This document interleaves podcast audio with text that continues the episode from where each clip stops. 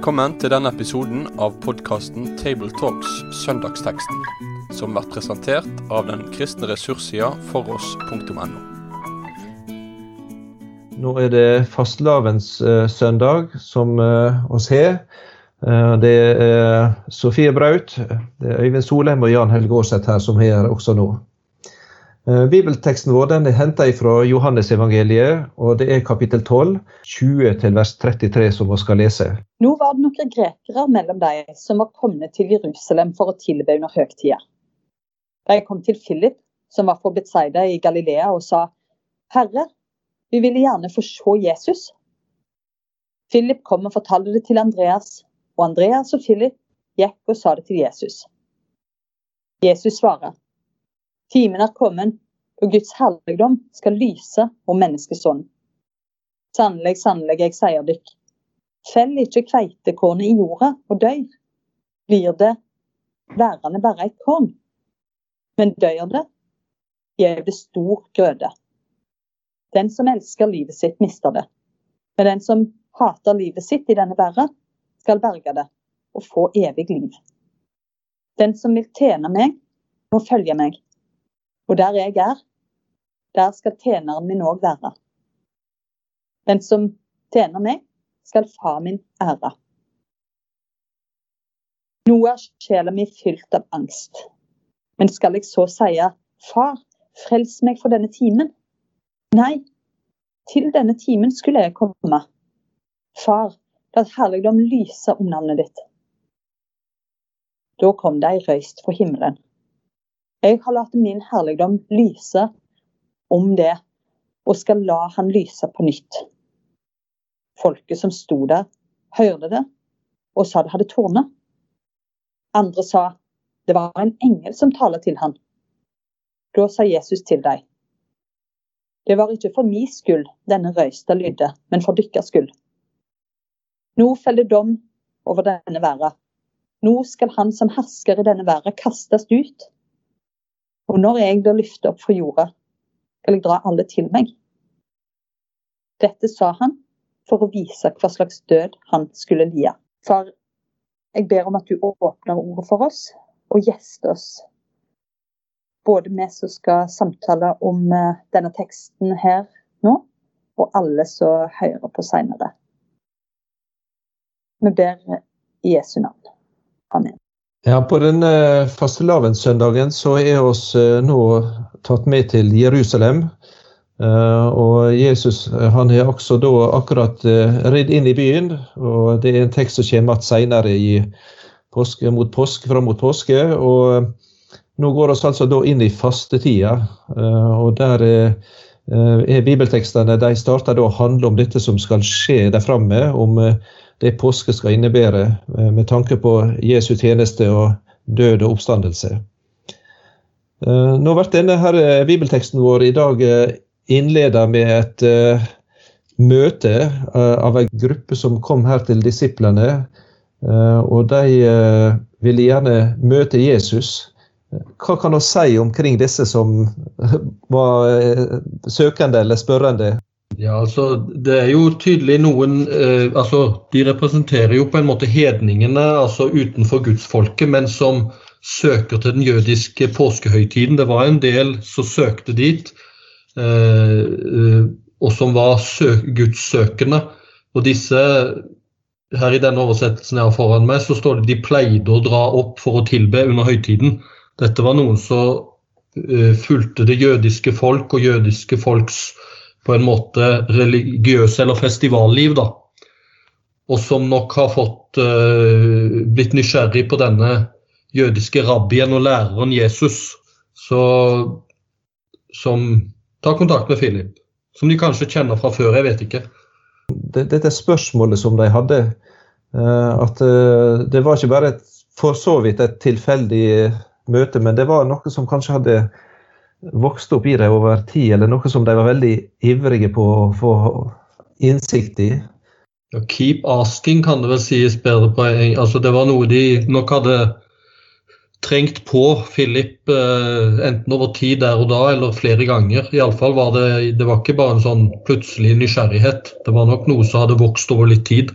Ja, det er litt interessant å få den der formen inn. altså At, at det er noe som pågår som ikke er avslutta. Liksom. At det er liksom noe de, de drev med. og og det er klart, Av og til kan en jo ha sånne spekulasjoner og lese for masse inn i teksten. her, Men, men det, ellers hadde det vært litt løye også, at disse kom akkurat til, til Philip og, og, og sånt. Så, så det, det, det, høres ut som vi på en måte havner midt inni noe her. Men jeg var litt sånn opptatt av om, om det der svaret som de får, da, eh, er litt sånn eh, God dag mann økseskaft. Altså, det, det, er jo litt sånn interessant. De kommer liksom, og de vil, de vil se, se, Jesus, og de, de får vel ikke akkurat helt eh, kanskje det de hadde tenkt, men sånn er det vel. Nei, det er jo et litt rart svar. Altså, de uh, Han svarer på en måte på noe helt annet. Og allikevel så tror jeg på dypet at det er et svar. Altså, det er hedninger som kommer og spør uh, og får se Jesus, og så minner det Jesus på at nå, nå er timen inne, da jeg skal gjøre det jeg er kommet for. Som òg omfatter disse grekerne som kommer.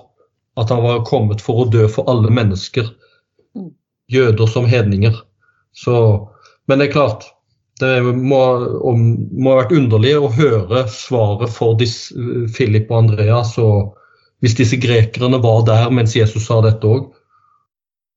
Eh, nå vet jeg ikke helt hva forventninger de hadde. da. Der er av de som kom til Jesus som hadde og, og ville søkte det, dette med, som handla om eh, altså både mirakel og, og brød, f.eks. Når de de ville ha mer brød, de ville se synlige tegn og under, det var hovedsaken for deg, som en sånn sensasjonslyst. Uh, det er jo kanskje mest den følelsen en kan få når, herre, når de kommer til Philip. Liksom, herre, vi vil gjerne få se Jesus, liksom, få se det, det siste nye og, og, og spennende. Og, mm. og, sånn sett så er jo det du Øyvind sier med at de får et kanskje et uventa, men et enormt viktig svar. da. Vi snakket jo litt om det og hvor, hvor sentralt inn i Jesu tjeneste og Jesu altså, det helt sentrale. Jeg tror blir liksom berørt mm. egentlig i denne teksten her, da. Ja. Men så er det jo litt fascinerende med Philip og Andreas, eh, dette radarparet fra Betzaida. Eh, for eh, tidligere i evangeliet òg så har jo Philip ført Natanael til Jesus. Det, det er jo noe fint med det at det er noen som er flinke til å, å, å bringe folk til Jesus. da. Det er jo eh, kanskje noe som er fint å ha med i, når en skal utlegge eller tale over denne teksten òg. Å ha dette med seg, at en bringer folk til, til Jesus, helt fram til Jesus. Ikke, ikke, bare snakker generelt om han, men på en måte på et eller annet vis klarer å bringe de helt til Jesus, sånn at de får et møte med han selv. Ja, og Det kan være ulike motiv også som ligger bak. Eh, jeg har opplevd det fra misjonsfeltet. altså Det kan være de som søker økonomisk fordel i det, og det kan være de som ønsker å ha et fellesskap og menneskelig kontakt og alle disse tingene. Og så eh, Likevel så er det en start på veien til å bli kjent med Jesus og møte han. Så en, en, skal ikke slå hånda av, selv om en føler motivet kan være litt, uh, litt på sida, så skal ikke en slå hånda av dem. Men, og det gjør ikke Philip og Andreas heller. De, de tar dem med. Absolutt, og det kan godt være en uvane for oss at vi legger for masse i det. så liksom Å ha de, de beste motivene og, og, liksom å være så, så ærlig og sannhetssøkende. Altså, hos, uh, når en blir pekt i retning av Jesus, så får en noe uansett egentlig våre motiv hvor skiftende de måtte være. Så det er jo en god påminning, det. Men oppleves Jesus svar som en slags avvisning når han snakker liksom, eller gir dette 'god dag mann, økseskaft'-svaret, som det kan virke i første omgang? Eh, eller får de på en måte noe å tenke på virkelig, og som gjør at når de sannsynligvis får høre om korsfestelsen av Jesus og gravleggingen av han, at de kanskje begynner å, å undres. Mm med dette bildet med hvetekornet som må legges i jorden og dø. Kanskje skjønner de ikke en meter akkurat nå, men sånn som det av og til står om disiplene, mm. at etter oppstandelsen så begynte de å forstå. Kanskje, kanskje gjelder dette grekerne. Vi får jo aldri høre mer om dem, men jeg liker kanskje å tenke at uh, ting demrer etter hvert for disse, kanskje. Eh, du, du, kalte Øyvind dette vers 24 eh, for et, et liksom dreiepunkt i hele Jesusfortellinga her i Johannesevangeliet. Ja, For meg er det blitt det når jeg leser Johannesevangeliet, så er på en måte vers 24 med hvetekornet på en måte omdreiningspunktet, ikke bare i dette evangeliet, men nesten egentlig i hele mm. Nytestamentet og hele Bibelen. For dette lille hvetekornet, det har på en måte det kristne budskapet i seg.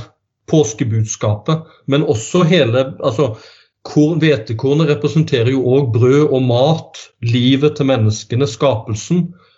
Men så preker jo Jesus her på det at hvetekornet må legges i jorden og dø for at det skal bli mer enn bare det ene kornet. Eh, og så sier på en måte alt om, om, det som skal skje i påsken, at Jesus skal dø og stå opp igjen. Og da skaper denne bevegelsen dette nye gudsfolket av både hedninger og jøder.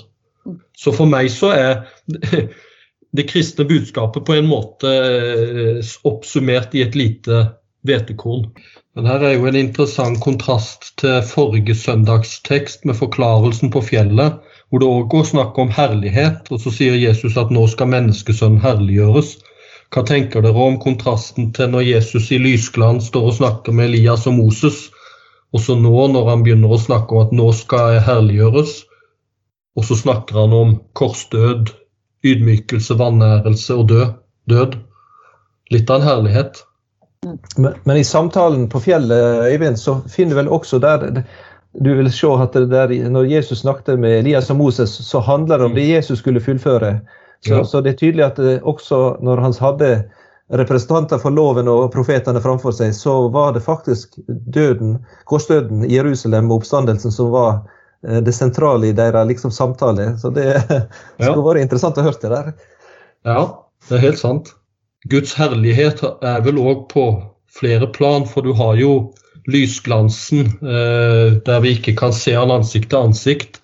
Men så har du denne herlighetsglansen hvor på en måte blir omdreiningspunktet og så å si vår inngang til en ny og nær relasjon til Gud igjen etter, etter eh, bruddet og fallet. Så er det på en måte denne herliggjørelsen som igjen på en måte drar oss inn i framtid og håp, så å si. Mm. Og det er jo en enorm Jeg tenkte bare på det nå at eh, altså i denne teksten her også, både når du ser den i lys av den forrige teksten som du nevner, Øyvind, men òg her fra vers 24 til vers 27, hva slags enorme spennvidder er at eller egentlig vers 23 da, til vers 27, altså at det, Guds herligdom skal lyse om menneskesonen. Eh, og så har vi òg dette med at nå er sjela mi fylt av angst. altså ifra mm ifra dette guddommelige nærværet, og, og, at han så tydelig er den han sier han er, eh, men òg har denne menneskelige dimensjon som man bare helt naturlig trekker inn. Eh, det er et ganske sterkt utsagn. Nå er sjela mi fylt av angst. Det er jo et veldig sånn eh, Ja, hva skal jeg si? Det er nesten sånn overveldende menneskelig utsagn. Og, og liksom er en slags indre diskusjon. Skal jeg si far hele timen? Nei, til denne timen skulle jeg komme. Formidabel spennvidde i denne teksten her. Eh, det er et par ord i, i vers, 25 og, vers, 25 og, 26 som handler om dette med å følge Jesus. da. Uh, hvordan skal vi tenke om dem? Det, det, er ganske sterke ord som handler om dette med å elske og hate og, og berge og miste her. Hvordan skal vi tenke å legge dette fram på en rett måte? Dette for det, det er vel ikke sjølforakten eh, det er snakk om her. Og, og det er at en, en, ikke er på en måte verdt uh, noe som helst. Det er ikke det som er meint, er det det? Ja, altså du kan jo, En kan jo begynne å lure litt uh, når en ser det, den som hater livet sitt i denne verden. Hva, hva er det egentlig som sies her til, til oss som vil være uh, Jesu venner? Ja, det, det er sterke ord, da. Men det er vel i kontrast til dette å elske. Jeg skal vel kanskje ikke forstå det bokstavelig, eller må iallfall forstås sammen med det Jesus snakker om når en skal elske sin neste som seg selv. Eh, hvis det innebærer at en skal hate seg selv, så skal vi vel også hate vår neste. Mm. Altså, altså, Poenget er at det, det, må ses i forhold til det det kontrasterer her. da. At den som elsker livet sitt, altså den som så å si vil berge det på eget vis, den skal miste det. Mm. Og så er kontrasten på en måte til det å elske, det er å hate. Eh, så det er i denne sammenheng på en måte at uh, den som vil berge seg sjøl, skal, det skal det glippe for. Mm. Mens den som på en måte innser at den trenger hjelp, den skal berge det. Mm. Så det betyr egentlig da det å, at det ordet 'hater' handler om å gi slipp på sitt eget. Eh, og, og, og slipp på det å, stole på sin egen kraft og sin egen rettferdighet. Eh, det er vel det en må miste, da. Ja, det, det, tenker jeg iallfall. Fordi eh, jeg tenker ikke en kan presse det til at, at idealet er å hate seg selv eh, generelt sett. Og det kan godt være at det er viktig som forkynner i dag å klargjøre i mm. forkynnelsen. Mm.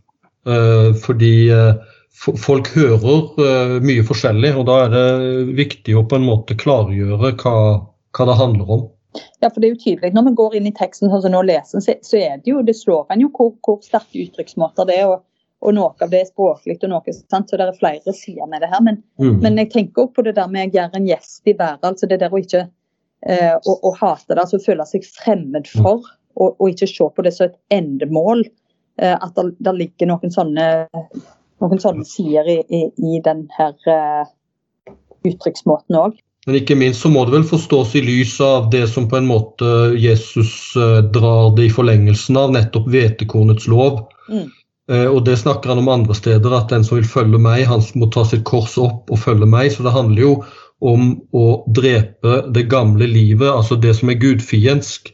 Eh, så det handler ikke om å hate på en måte personligheten, jeget. Jeg skal ikke hate Øyvind, men jeg skal hate kjøttet, det gamle, det som er gudfiendsk, mm. det, det, må på en måte dø, slik som hvetekornet må legges i jorden og dø. Det er på en måte den livsloven nå som skal gjelde mm. eh, i, i, den kristne etterfølgelsen, i tjenesten.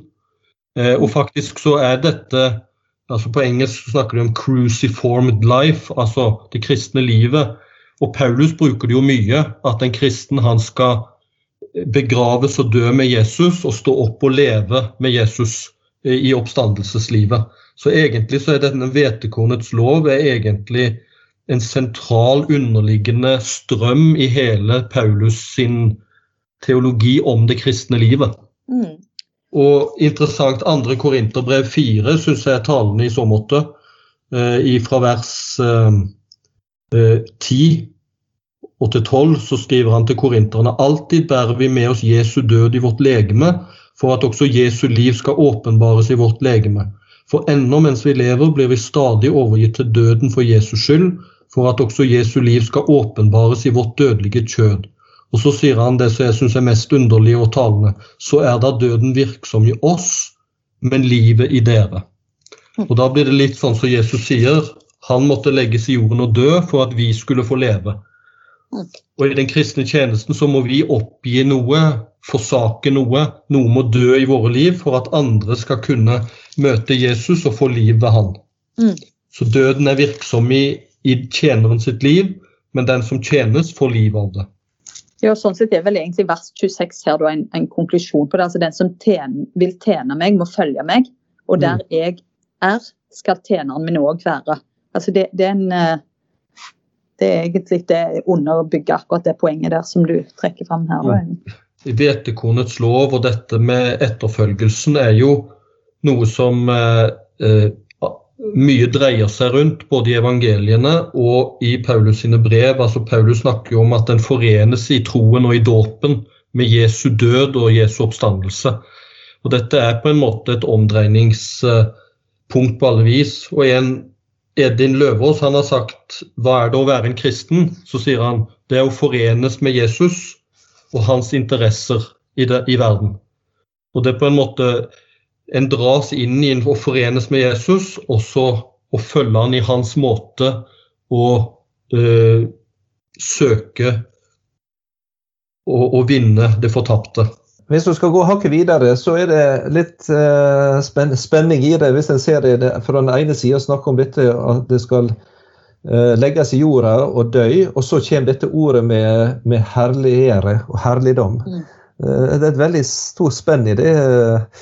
Eh, for eh, det å herliggjøre og det å bli herliggjort ser oss vel vanligvis på, på noe som er veldig stort og praktfullt. At herliggjørelsen til Jesus skal gå gjennom lidelse, ydmykelse og kors, at seieren skal gå gjennom tap, det er på en måte En del av uttrykksmåtene hentes eh, på mange måter fra Jesaja, og, og Jesaja siteres jo litt seinere i kapittel 12.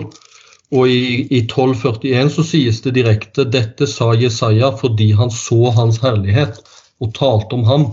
Og da har, han, da har bl.a. Jesajas 53 blitt sitert, hvor det står om den lidende tjener, Messias, han som ble såret for våre overtredelser og knust for våre misgjerninger.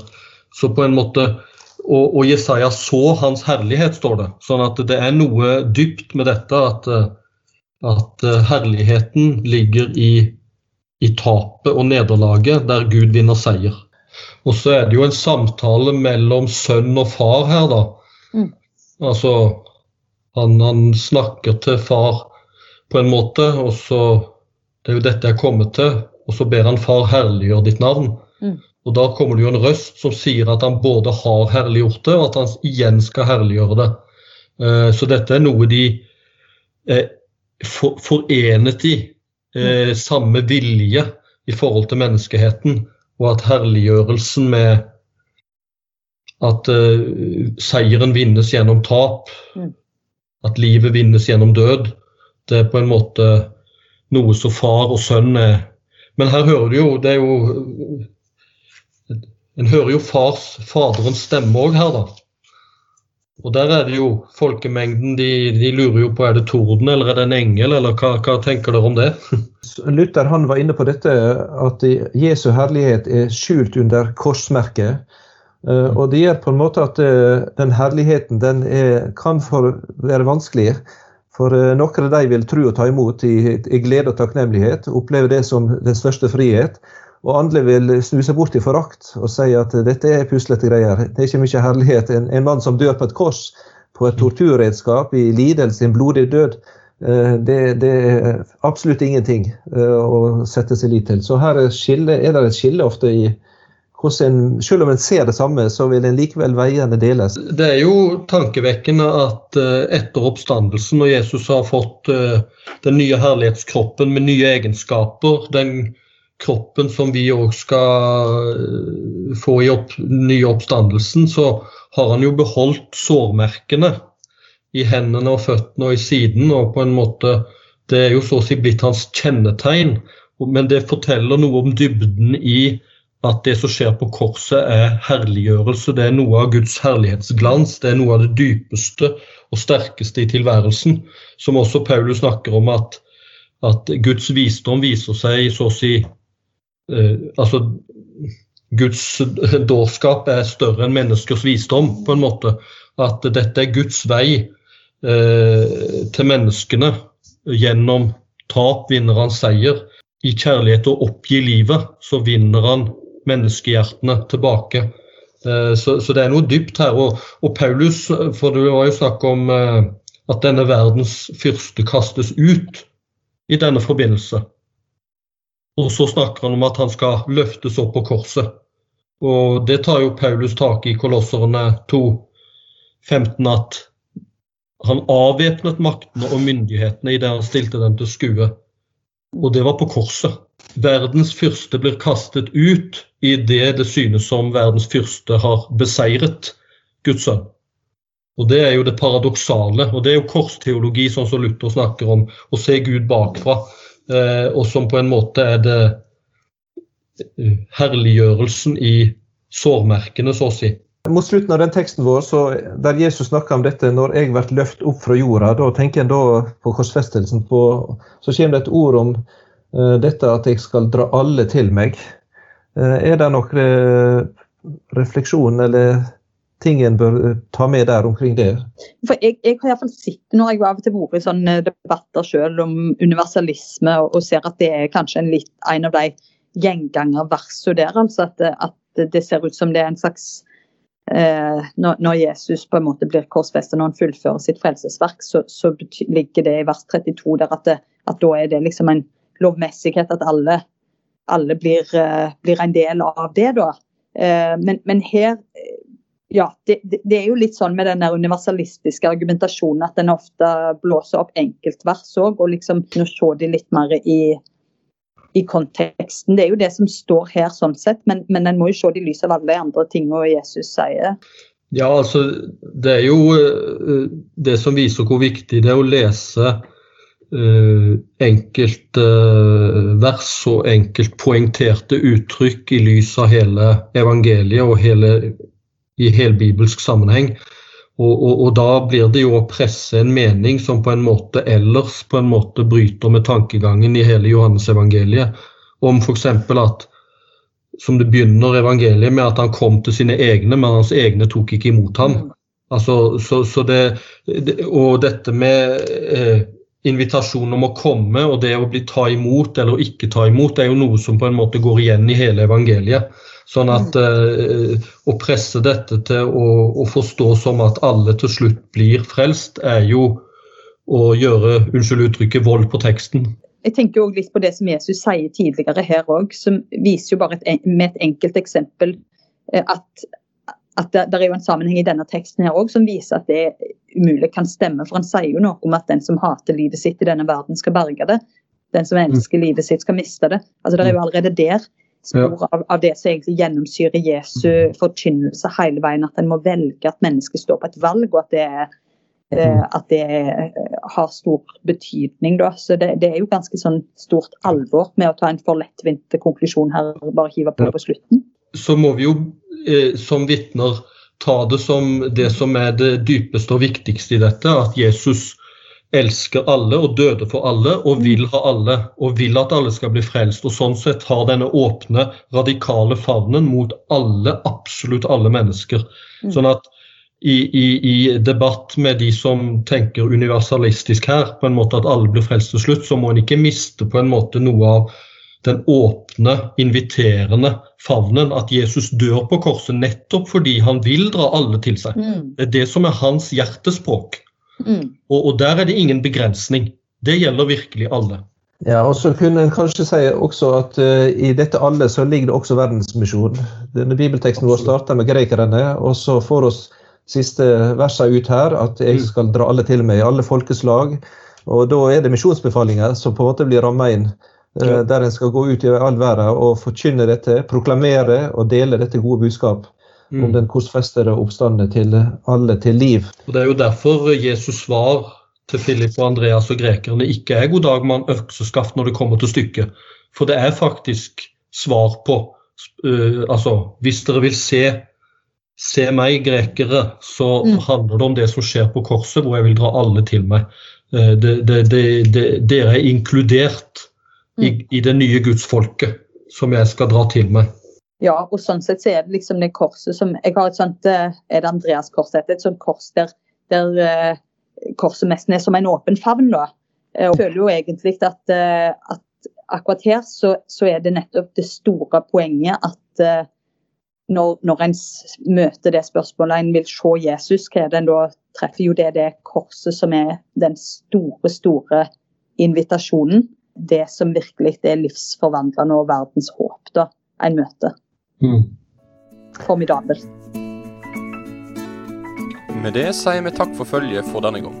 Finn flere ressurser, og vær gjerne med å støtte oss på foross.no.